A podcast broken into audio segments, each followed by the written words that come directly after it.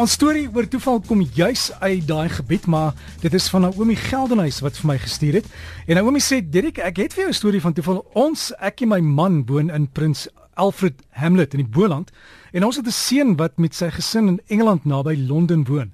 En met een van ons besoeke aan Engeland 'n uh, paar jaar gelede, vra 'n vriendin van ons om haar kleindogter in Manchester noord van Londen te bel as ons daar kom en vir haar te sê haar ouma stuur liefde en groete. Maar met die tyd vergeet ons om die kleinkind se telefoonnommer by ouma te kry. En toe ons in Engeland aankom, onthou ek van die versoek so sonder 'n telefoonnommer of adres Waai ek nou maar met die hand aan die lug na die noorde en sê jou ouma van Hamlet stuur groete en sê sy's lief vir jou. Wat kon ek meer doen sonder enige kontak besonderhede? Na 'n maand se lekker kuier by ons kinders, is ons toe op die lughawe op pad terug huis toe. Die tou na die deurgang vliegtuig toe is lank en gaan so zigzag heen en weer.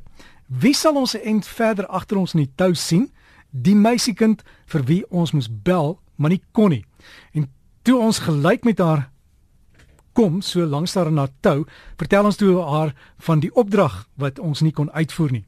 En sy's toe baie bly en sy sê ook sy's bly om ons te sien en sy's op dieselfde vlug terug na Suid-Afrika as ons.